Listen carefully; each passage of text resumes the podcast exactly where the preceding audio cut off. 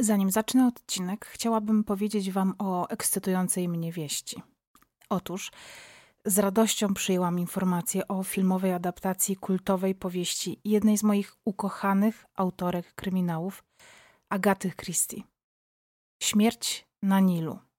Co ciekawe, film ten jest mi szczególnie bliski, gdyż jego premiera odbywa się w moje urodziny, czyli 11 lutego 2022 roku.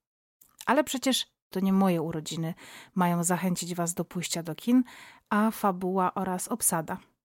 Sierankowy nastrój miodowego miesiąca młodej pary, spędzającej podróż poślubną na luksusowym statku rzecznym, zostaje przerwany przez ponure zdarzenie. Beztroska wycieczka po Egipcie zmienia się w poszukiwania mordercy, na czele których staje jeden z uczestników rejsu po Nilu, niezawodny Herkules Poirot. Egzotyczna, tajemnicza i niepozbawiona niebezpieczeństw scenaria stanowi znakomite tło tej mrocznej opowieści o obsesyjnej miłości i jej tragicznych skutkach. Tym bardziej, że historia, jak rzeka, wije się w niezwykle zagadkowy sposób, nie pozwalając widzom odgadnąć zakończenia aż do finałowej, szokującej demaskacji. Za reżyserię i rolę Herkulesa Poirot odpowiada pięciokrotnie nominowany do Oscara Kenneth Branagh. Jest duża szansa, że spotkamy się na jednej z kinowych sal. Zapraszam Was jeszcze raz na premierę filmu Śmierć na Nilu, która wchodzi do kin 11 lutego 2022 roku. Czy jest w Polsce region, który cieszy się większą sympatią niż Podhale. Mieszkają tam sympatyczni górale, którzy trzymają się swoich tradycji, tak niezwykłych na tle wszystkich innych regionów w Polsce. Jest zima i pewnie w okolicach Zakopanego przewalają się tłumy turystów, narciarzy, spacerowiczów i miłośników górskich wycieczek. Ale to właśnie na Podhalu zdarzyła się historia, której dzisiaj Wam opowiem. Historia tak nieprawdopodobna, że aż łamiąca pewne tabu obowiązujące w tym regionie. Zapraszam Was dzisiaj do wysłuchania historii o Annie Nędzy i jej mężu Józefie.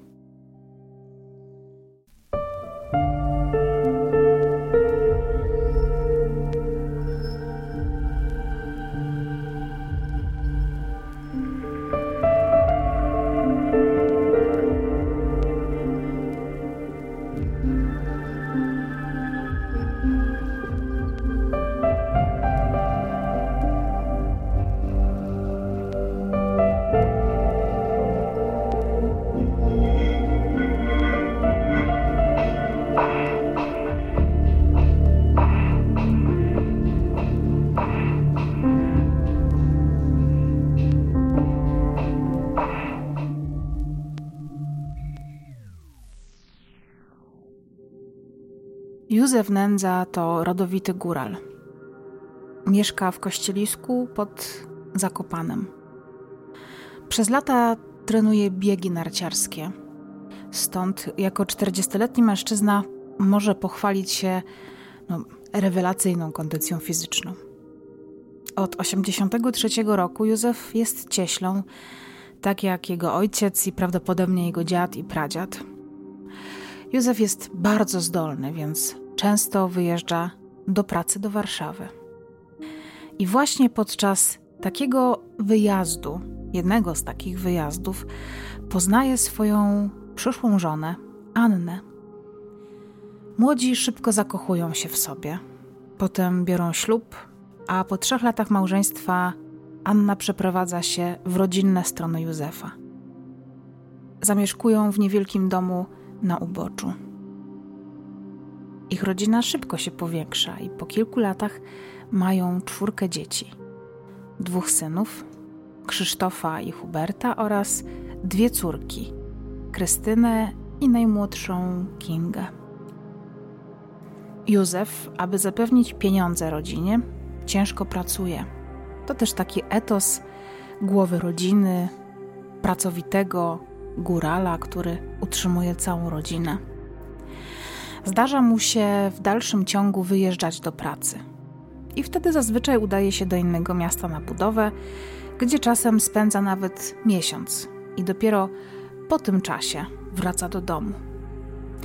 Anna natomiast zajmuje się domem, ogniskiem domowym, wychowuje dzieci, a sama też czasem pracuje i dorabia sobie jako barmanka w okolicznym domu wczasowym, a wiemy, że w okolicach Kościeliska Zakopanego takich nie brakuje. Według sąsiadów oraz mieszkańców Kościeliska rodzina Nędzów jest bardzo miłą i ułożoną rodziną. Anna też jest akceptowana jako przyjezdna. Mimo, że warszawianka to dba dobrze o dom, wychowuje dzieci nędzów, więc staje się szybko swoja. Małżeństwo Anny i Józefa wygląda na zgodne, ale po czasie na wizerunku tego małżeństwa zaczynają pojawiać się pierwsze rysy. A przede wszystkim te rysy mają smak alkoholu. Józef pije, a kiedy pije, wraca do domu pijany i staje się agresywny. Głównie dochodzi do sprzeczek z Anną, która jest niższa, właściwie to o połowę niższa niemalże, jakby tak spojrzeć na ich zdjęcia. Drobna. Józef ma ponad 1,80 m, waży pewnie ze 100 kg. Jest umięśnionym, fizycznie bardzo sprawnym mężczyzną, więc Anna jest dla niego lekka niczym piórko i łatwo ją zmieść ze swojej drogi. Dzieci zaczynają um, unikać kontaktu z ojcem, boją się go i nie wchodzą mu w drogę, szczególnie wtedy, kiedy jest pod wpływem alkoholu. Ta agresja się mocno nasila i kilkukrotnie Anna podczas napadów agresji Józefa decyduje się wezwać policję. Zazwyczaj jednak interwencja służb kończy się na tym, że kiedy patrol podjeżdża pod dom nędzów, to Józefa już nie ma na miejscu. Po prostu ucieka. Jest czerwiec 1996 roku. Do domu Anny i Józefa przychodzi siostra Józefa, Maria Nędza, zaniepokojona, że jej brat od dłuższego czasu się z nią nie kontaktuje. Maria, gdy przychodzi do domu swojej szwagierki i brata, no, zaczyna się, yy, jest właściwie przekonana, że Józef tam yy, będzie. Ale zastaje dom, w którym tylko i wyłącznie jest Anna, yy, gdzieś tam biegają sobie dzieci. Anna mówi Marii, że Józef wyjechał do Warszawy, do pracy. Ona nie wie, kiedy wróci. Jest 96 rok, więc prawie nikt nie ma komórek, więc też ten kontakt jest utrudniony. Nie wiadomo, jaka to jest budowa, jak daleko od centrum, czy jest tam w ogóle jakiś telefon, więc naprawdę nic się takiego nie dzieje. Ale po kilku dniach Maria znowu przychodzi do domu brata i ponownie nie zastaje go w domu. Tym razem bratowa Marii tłumaczy, że Józef wysyła jej pieniądze, ale że wciąż nie zna szczegółów jego powrotu. Po kilku tygodniach rodzina i krewni Józefa niepokoją się już na tyle, że nakłaniają Annę do zawiadomienia policji i zgłoszenia jego zaginięcia. Anna zaczyna sama się martwić, mm, być może faktycznie zbytnio ignoruje ten fakt, że z mężem nie ma kontaktu. Dlatego udaje się na komendę policji w Zakopanem i składa mm, zawiadomienie o zaginięciu. Rusza wówczas śledztwo w sprawie zniknięcia Józefa Nędzy, a działania funkcjonariuszy sprowadzają się głównie do przesłuchania rodziny oraz sąsiadów. Ale ani rodzina, ani sąsiedzi niczego nie wiedzą. Józef po prostu pewnego dnia wyjechał i nie wrócił. Mógł na przykład odejść od rodziny, może kogoś znalazł w Warszawie. Śledztwo stoi w miejscu przez kilka dobrych miesięcy, a policja nigdy nie uznaje Józefa Nędzy za zaginionego. E, bardzo możliwe że na początku, wyjaśniając jego zniknięcie, śledczy brali pod uwagę to, że mężczyzna jest dorosły, że był może porywczy, że był przystojny w sile wieku, że po prostu zniknął z własnej woli, więc e, no, wiecie, to 96 rok, więc trudno mi ocenić, w jaki sposób wtedy prowadzono sprawy zaginięć. E, faktem jest, że śledczy czy policjanci myślę, że bardzo mocno zaniedbali tutaj zgłoszenia rodziny i nie uznali Józefa za zaginionego. I po tych kilku miesiącach, kiedy sprawa stała w miejscu, Józef nie dawał znaku życia. Rodzina nic nie wiedziała, sąsiedzi nic nie wiedzieli, znajomi, koledzy z byłych budów, y, jacyś naprawdę dalecy znajomi, no nikt nic nie słyszał. E, to sprawiło, że siostra oraz ojciec Józefa nabierają absolutnego przekonania, że musiało dojść do tragedii. Być może Józef został potrącony przez samochód, być może y, stał się jakiś wypadek na budowie, gdzie pracował na czarno na przykład i, i pracodawca nie chciał mieć żadnego mm, problemu z tego tytułu. No, kary mogły być gigantyczne, a sam taki pracodawca mógł iść do więzienia za niezapewnienie bezpieczeństwa pracownikom ale także gdzieś z tyłu głowy mają myśl, że to Anna może mieć coś wspólnego ze zniknięciem Józefa. Głośno w okolicy kościeliska robi się rok po zniknięciu Józefa. Anna wtedy nagle zachodzi w ciążę i jest to o tyle dziwne, że wszyscy w okolicy wiedzą, że mąż Anny zniknął i od roku nie wie, co się z nim dzieje. I ten fakt daje do myślenia bliskim Józefa, którzy upewniają się w swoich przekonaniach, że Józef zapewne nie żyje, a za jego śmiercią musi stać jego żona. Bo gdyby Anna wierzyła, że jej mąż się może odnaleźć, że gdzieś tam jest, że może wrócić, nigdy nie wdałaby się w romans, choćby, jeżeli nie z miłości, to ze strachu przed agresją męża. Po kilku latach w okolicy wszyscy już wiedzą, że Anna spotyka się z jednym z sąsiadów, Markiem M. To zmyślone im jej nazwisko. Policja w związku ze zniknięciem Józefa przesłuchuje Marka, ale on nie wnosi nic nowego do sprawy i twierdzi, że nie ma absolutnie żadnych informacji na temat Józefa, ale też nie czuje potrzeby ukrywania, że związał się z Anną i że są razem od kilku miesięcy i spodziewają się dziecka. Co więcej, w 2001 roku Anna rodzi jeszcze jedno dziecko drugiego syna, Marka M. Rodzina Józefa, widząc jak ich synowa, bratowa, być może już była, nie wiadomo jak ją nazywać, rozpoczyna nowe życie u boku innego mężczyzny, no jest zszokowana. Siostra Józefa jest przekonana, że Anna odebrała życie jej bratu, ale nie ma żadnych dowodów. W 2003 roku Maria Nędza jedzie do Krakowa, gdzie mm, udaje się do archiwum Mix, krakowskiego Wydziału Archiwum Mix, o którym wówczas zaczyna pisać prasa i prosi, aby e, śledczy z tego archiwum wzięli na tapet sprawę zaginięcia Józefa, bo liczy głównie na to, że znajdą ciało jej brata i że będą w stanie go chociaż godnie pochować. Mija już siódmy rok, kiedy o Józefie Nędzy nie ma ani śladu. Nikt jednak nie liczy na to, że odnajdą go żywego. I to też pierwszy szok, z którym musi zmierzyć się rodzina, mimo że się spodziewają, to jednak usłyszeć coś takiego od doświadczonych śledczych e, jest traumatycznym doświadczeniem. Przede wszystkim chcą wiedzieć, co się stało i kto zabił ich ukochanego syna i brata. Śledczy zaczynają przesłuchiwać ponownie członków rodziny i na pierwszy ogień biorą Annę oraz najstarszego syna nędzów, Krzysztofa, który wówczas pracuje w jednej z piekarni w Zakopanem.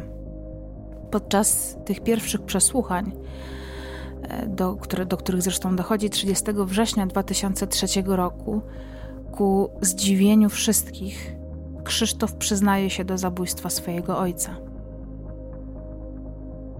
Podczas obszernych wyjaśnień Krzysztof opisuje przebieg wydarzeń. Jak twierdzi, podczas wieczornej kłótni ojca z mamą, kiedy zobaczył, że Józef bije matkę po twarzy, wziął siekierę i zadał mu cios od tyłu w szyję. Następnie Józef miał zalać się krwią i paść na ziemię. Krzysztof razem z matką ukryli ciało ojca w szopie, którą zamknięto na kłódkę. Następnego dnia nad ranem Krzysztof udał się na stację benzynową po kanister z benzyną, a kilka dni później, wczesnym rankiem, spalili ojca w ognisku. Ognisko paliło się kilka godzin, a rzeczy, które pozostały, czyli drobne kości, zabrali i zakopali w lesie. Szokujące. Tym bardziej, że Krzysztof dwukrotnie przedstawia policji tę samą wersję wydarzeń i dla funkcjonariuszy jednak niewyobrażalne jest to, że chłopiec, no wtedy Krzysztof nie jest chłopcem, ale y, kiedy dochodziło do tych strasznych scen, Krzysztof miał 11-12 lat i dla śledczych jest to niewyobrażalne, że był w stanie, dziecko, no po prostu dziecko było w stanie dokonać morderstwa swojego ojca jeszcze w tak brutalny sposób. Tym bardziej, że mm, biorąc pod uwagę jego możliwości psychiczne i fizyczne, no nie był w stanie postawić się dobrze zbudowanemu, wysokiemu mężczyźnie, jeszcze wysportowanemu, który na co dzień parał się pracą fizyczną, zresztą bardzo ciężką. To jest absolutnie graniczące z cudem. Chyba, że Józef był odurzony albo y, spał, nie wiem, był zamroczony. Oczywiście to jest możliwe, ale przypominam, że po alkoholu Józef Nędza stawał się niezwykle agresywny i wstępowały w niego wręcz y, dodatkowe siły. Dlatego śledczy wątpią w wersję przedstawioną przez mm, Krzysztofa. I podczas trzeciego przesłuchania Krzysztof przyznaje, że ciosy mm, zadała Anna, jego matka. Śledczy więc przesłuchują Annę Nędzę, która od razu przedstawia swoją wersję wydarzeń. Mm, I według tej wersji wydarzeń to Anna miała odebrać życie swojemu mężowi. Przez kilka dni śledczy przesłuchują zarówno Krzysztofa, jak i Annę i konfrontują ich zeznania, chcą dojść do prawdy, mają sytuację, gdzie dwie osoby przyznają się do zabójstwa. Motyw mają oboje matka i syn. I ten motyw dla śledczych jest absolutnie zrozumiały. Ona nie wytrzymała psychicznie i chciała się pozbyć męża tyrana w obronie swoich dzieci, a on z kolei nie mógł patrzeć na cierpienie matki i strach swojego rodzeństwa i przede wszystkim chciał bronić najbliższej swojej osoby, czyli matki.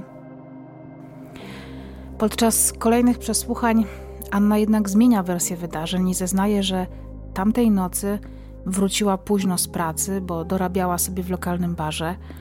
I kiedy wróciła do domu, mąż leżał zakrwawiony, a zabić go miał najstarszy syn Krzysiek. Matka pomogła synowi ukryć ciało oraz wspólnie ustalili wersję dla dzieci i pozostałych ludzi, że ojciec wyjechał do pracy pod Warszawę, jakieś nagłe, szybkie zlecenie, dlatego nikomu wcześniej nie miał okazji o tym powiedzieć. Anna najprawdopodobniej wiedziała w tamtym momencie, że jeśli Krzysztof przyzna się do zabójstwa Józefa, to ze względu na swój wiek, w momencie popełnienia zbrodni miał przecież 12 lat, nie odpowie za ten czyn. Musiałby mieć co najmniej 13, żeby odpowiadać karnie za zbrodnię. Więc dzięki temu Anna mogłaby wrócić do dzieci i się nimi zaopiekować, żyjąc w spokojnym, bezpiecznym domu. Ale po pewnym czasie postanawia jednak wyznać prawdę. I wtedy opowiada policji, że po kolejnej kłótni i kolejnym pobiciu przez męża po prostu nie wytrzymała psychicznie. Tego dnia Józef znów się upił i zaczął znęcać się nad Anną. Krzysztof stanął po raz kolejny w obronie swojej matki, i wtedy Józef uderzył go i kazał mu iść spać. Krzysztof go posłuchał, poszedł do pokoju. Kiedy się zorientował, że ojciec poszedł pijany spać, zszedł do matki, do kuchni, która siedziała i była załamana.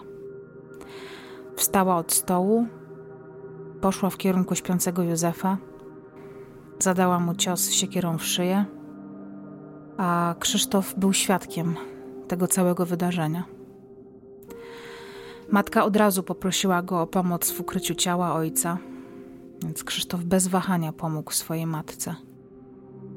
Przenieśli ciało do szopy, która była tuż obok domu. Zamknęli ją na kłódkę. Następnego dnia ciało porąbali i spalili w ognisku. Następnie popiół i kości zakopali w lesie. Po dwóch latach wykopali szczątki i spalili w domowym piecu kuchennym razem z innymi drewienkami i węglem. Całą resztę dowodów, czyli szmaty, ubrania oraz dywan zaplamiony krwią, również zniszczyli. Krzysztof wspomina też o tym dziennikarzowi Jackowi Bazanowi, który e, w programie Archiwum Mix Śledztwa po latach rozmawiał zarówno z Anną, jak i z Krystyną, czyli córką, i z Krzysztofem oraz nawet z Marią, siostrą Józefa Nędzy. Mm, to ciało Józefa e, leżało jeszcze w szopie przez dwa dni przykryte kołdrą.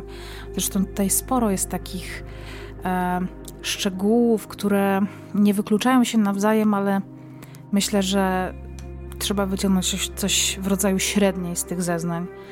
Pewnie nigdy nie dowiemy się, jak było naprawdę.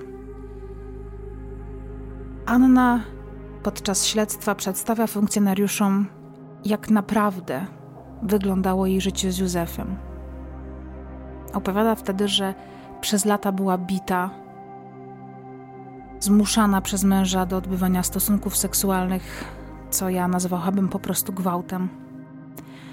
Codziennie była poniżana, wyzywana, a jej głównym życiowym celem, takim, z którym się budziła i zasypiała i pewnie wybudzała w nocy po 40 razy, było to, by chronić swoje dzieci przed ich własnym ojcem. Krysia, czyli starsza córka Józefa i Anny, wyznaje zresztą w programie, o którym przed chwilą wspominałam, że pamięta jak co noc mama trzymała ją na kolanach i mówiła jej, że ma siedzieć u niej tak długo, aż ojciec nie pójdzie spać. Bo póki tam siedziała, to Anna była bezpieczna.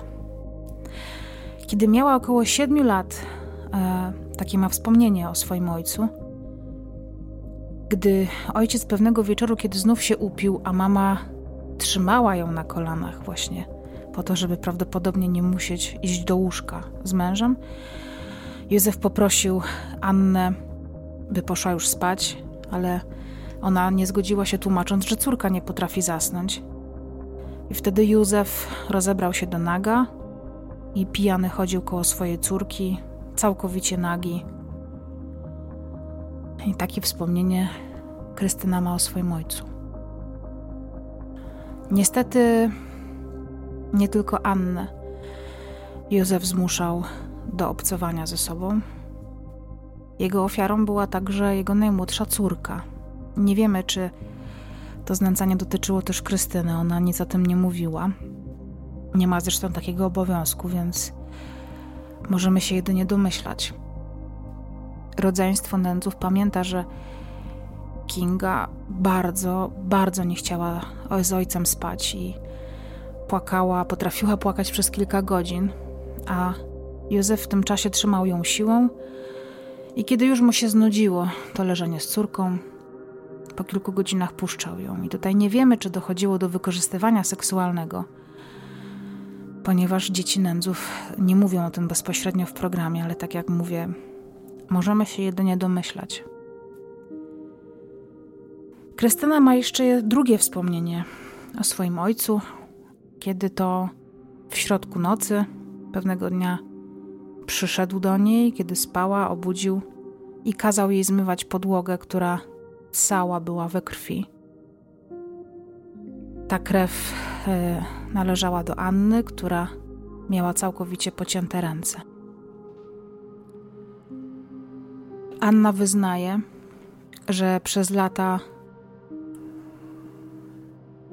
każdej nocy widziała w oczach swoich dzieci strach. Jej syn w wieku siedmiu lat potrafił zmoczyć spodnie na widok swojego pijanego ojca, mimo że absolutnie mu się to wcześniej nie zdarzało. Wszystkie dzieci zawsze, zawsze stawały w obronie swojej matki, przez lata zresztą obserwując jednocześnie, jak ojciec ją maltretuje. Anna, ze względu na złe traktowanie przez męża, przez lata chorowała na depresję. Przyjmowała na stałe leki. Podczas przesłuchania zresztą wyznała policjantom, że przez pewien czas, aby uniknąć agresji ze strony Józefa, potajemnie podawała mu swoje antydepresanty w herbacie. Dzięki tym lekom Józef stawał się spokojniejszy i bardziej senny. Często był to zresztą jedyny sposób, aby uchronić dzieci przed biciem i poniżaniem. Tutaj chcę nadmienić, że bardzo możliwe, że to nie były antydepresanty, tylko na przykład silne leki uspokajające, takie przeciwpsychotyczne. Tak tylko tutaj mm, zwracam uwagę na to słowo antydepresanty. Senior Nędza, ojciec Józefa, podczas zeznań potwierdził, że jego syn czasem zachowywał się jak nie on.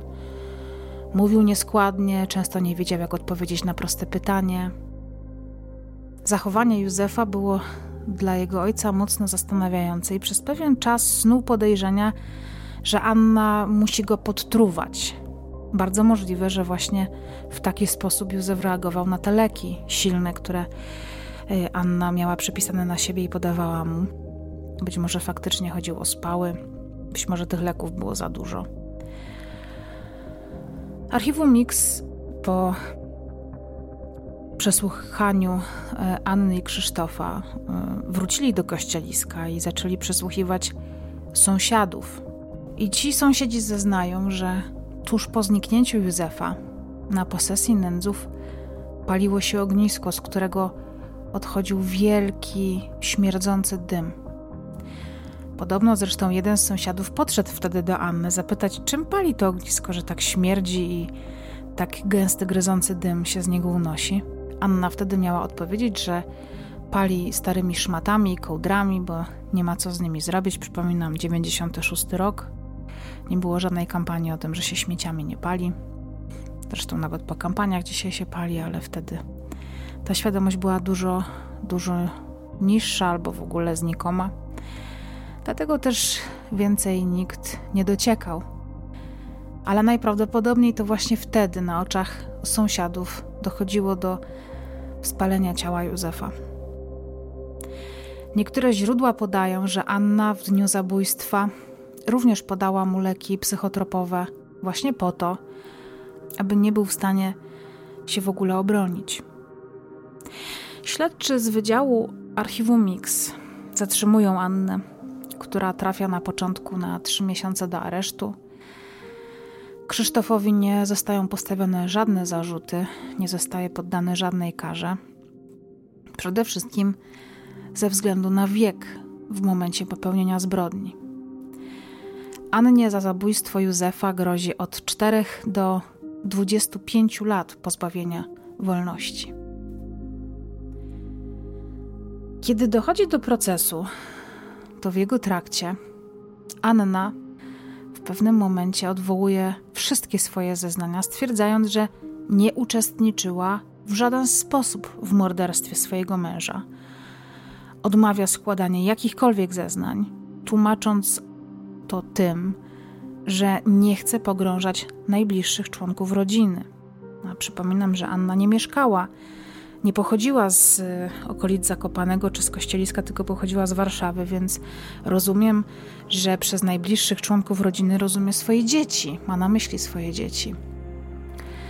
Wtedy też z aresztu pisze list do Krzysztofa, w którym prosi go o to, aby to on wziął winę na siebie. Anna motywowała to tym, że Krzysztof nie odpowie za zabójstwo swojego ojca właśnie ze względu na wiek, Dzięki temu Anna nie trafi do więzienia. Będzie mogła wrócić do domu i dalej zajmować się dziećmi w spokoju i szczęściu. Ale ten list nigdy nie trafił do Krzysztofa, ponieważ zostaje zatrzymany przez służbę więzienną. Po czasie Anna powraca do pierwotnej wersji wydarzeń i opowiada o niej przed sądem. Jedynym śladem po Józefie Nędzy i w tej sprawie staje się ślad krwi odnaleziony na deskach podłogowych w domu Nędzów. Badania wykazują, że krew należała do Józefa, ale nie mógł to być dowód w sprawie zabójstwa, ponieważ ciała nigdy nie odnaleziono, a tej krwi też nie było na tyle, że jej ilość wskazywałaby na to, że Józef musiał stracić w tym miejscu życie. Doktor Maciej Szaszkiewicz, psycholog, który pracuje z archiwum Mix i wypowiada się na temat Krzysztofa w materiale Archiwum Mix Śledztwa po latach. Swoją drogą dr Maciej Szaszkiewicz był moim wykładowcą e, na studiach i miałam z nim zajęcia z psychopatologii.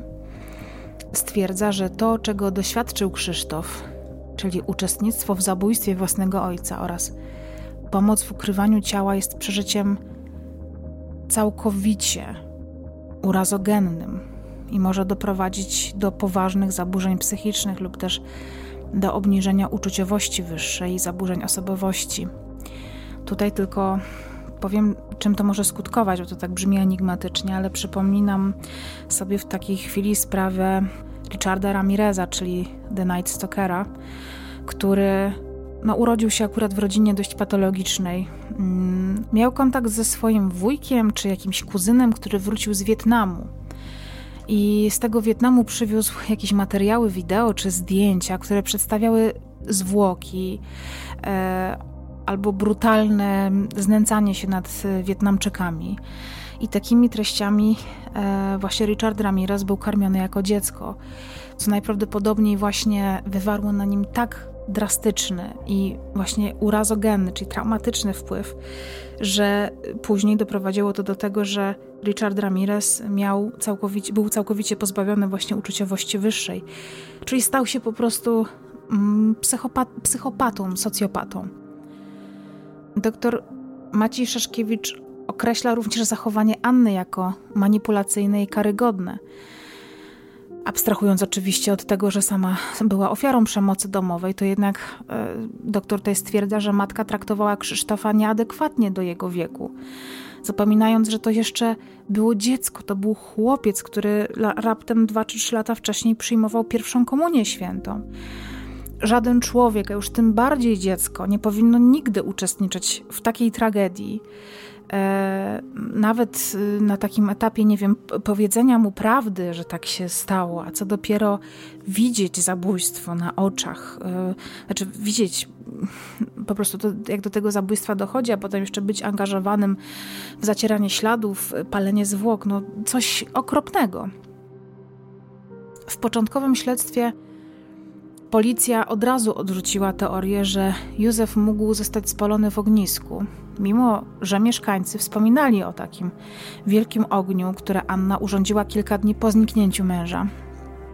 Ale lokalni policjanci wykluczyli tę hipotezę, bo byli przekonani, uwaga, i to jest e, chyba najbardziej ciekawa, e, ciekawy aspekt tej historii, byli przekonani, że nikt nie jest zdolny do spalenia ciała, bo to w myśleniu rodowitych górali jest absolutnie nie do pomyślenia. Jeszcze do niedawna nikt na Podhalu nie y, kremował swoich zmarłych. Tradycja mm, góralska, tam podhalańska jest taka, że po śmierci kogoś bliskiego ciało nieboszczyka leży przez kilka dni w rodzinnym domu, no co zresztą nie tylko było na Podhalu, to też jest zwyczaj, który funkcjonował w innych częściach Polski, ale akurat górale byli bardzo do tego zwyczaju y, przywiązani.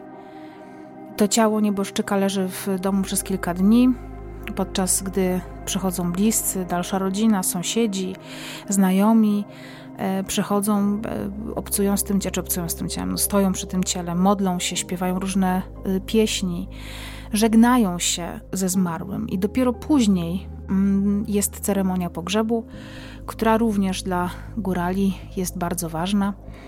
Dlatego też policja na tamten moment w ogóle nie wzięła pod uwagę tego, że Anna nie jest rodowitą góralką, pochodziła z Warszawy, więc mogła mieć y, nieco inne podejście do y, pochówku czy do kwestii kremacji.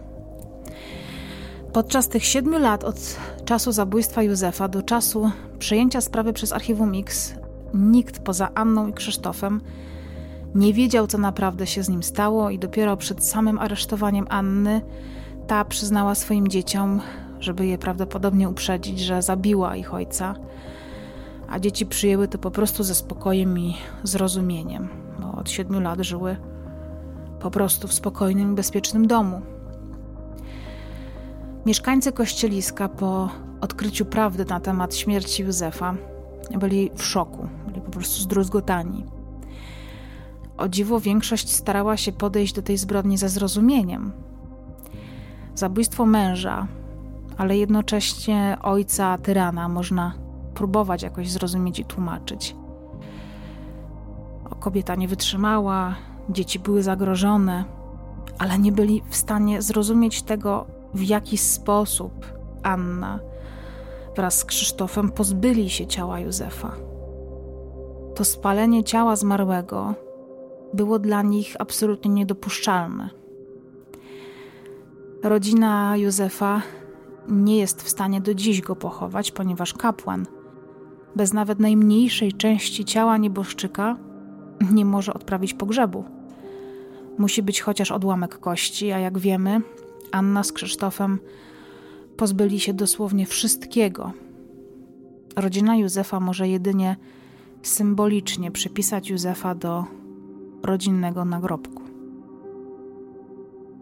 Anna w mowie końcowej podczas procesu mówi, że to, że była przez lata maltretowana i poniżana, to to nie miało nigdy większego znaczenia, bo ona zawsze mogła odejść.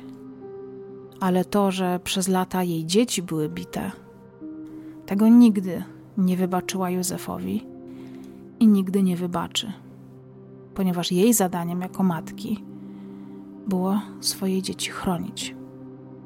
Z drugiej strony, Anna musiała mieć chyba w Warszawie jakąś rodzinę.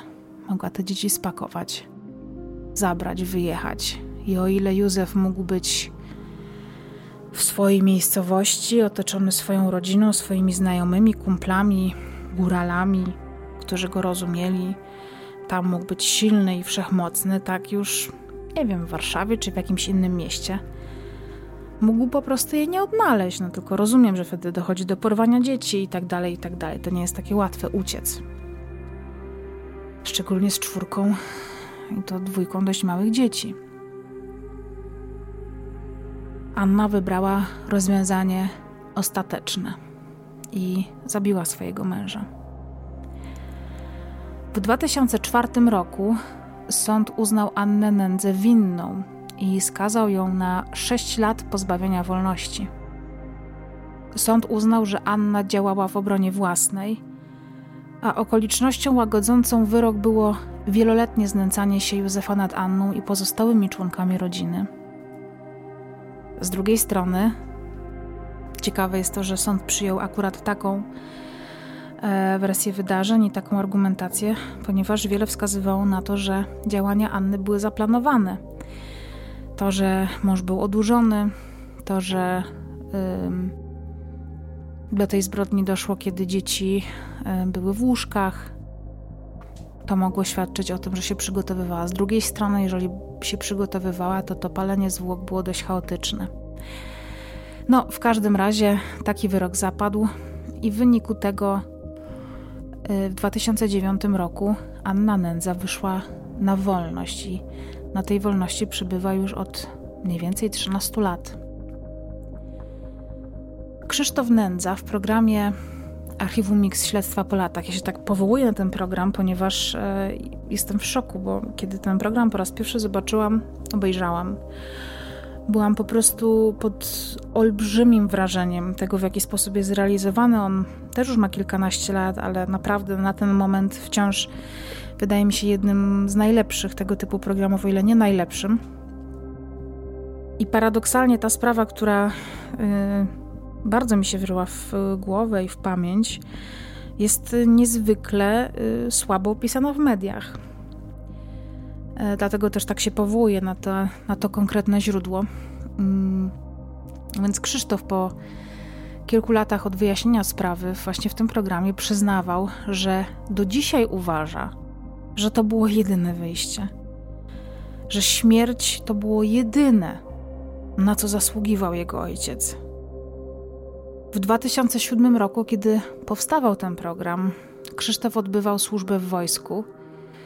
Krystyna i Hubert mieszkali nadal w rodzinnym domu, w którym doszło do tragedii. Krystyna zresztą e, nie musiała już iść do domu dziecka, była chyba pełnoletnia. Hubert był pod jej opieką, natomiast najmłodsza córka, Kinga, była wówczas w domu dziecka.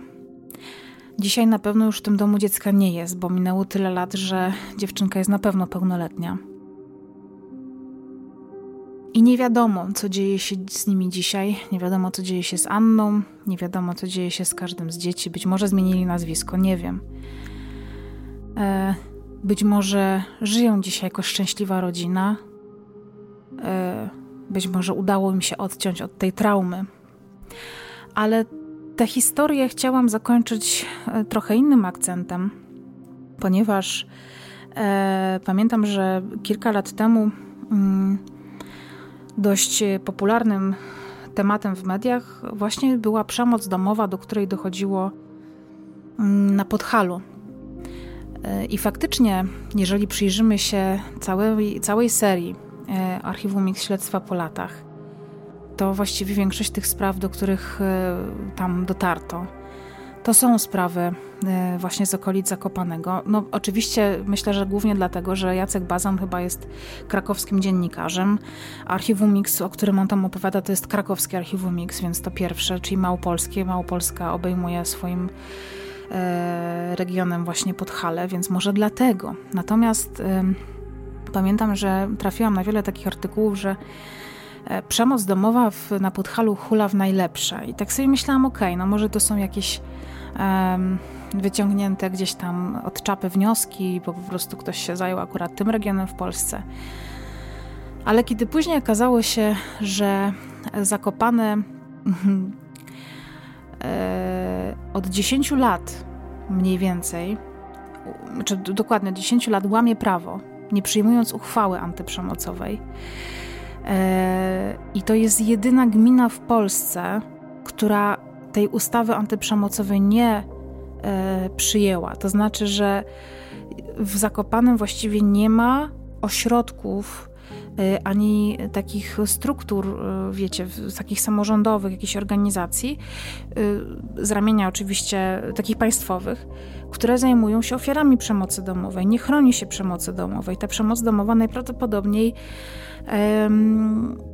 to może nie chcę jakby generalizować, ale tam, gdzie się jej nie tępi i nie edukuje się i nie pomaga się jej ofiarom, to wydaje mi się, że świadczy to o tym, że się po prostu na ten problem przymyka oko. I jest wiele historii właśnie z tamtego regionu, które e, kończą się albo śmiercią kobiet, albo kończą się śmiercią mężczyzn, które kobiety będące ofiarami takiej przemocy po prostu zabijają. To nie jest jedyna taka historia, o której e, opowiem Wam w tym podcaście.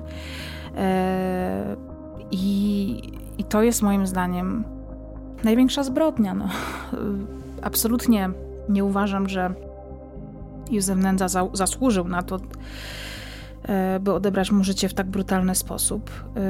Ale uważam, że Anna i jej dzieci zasługiwały na pomoc. To, dlaczego o nią nie poprosiły, to jest inna kwestia. Być może nie poprosiły, bo nie wiedziały, że mogą, może nie poprosiły, dlatego że bały się oceny społeczeństwa.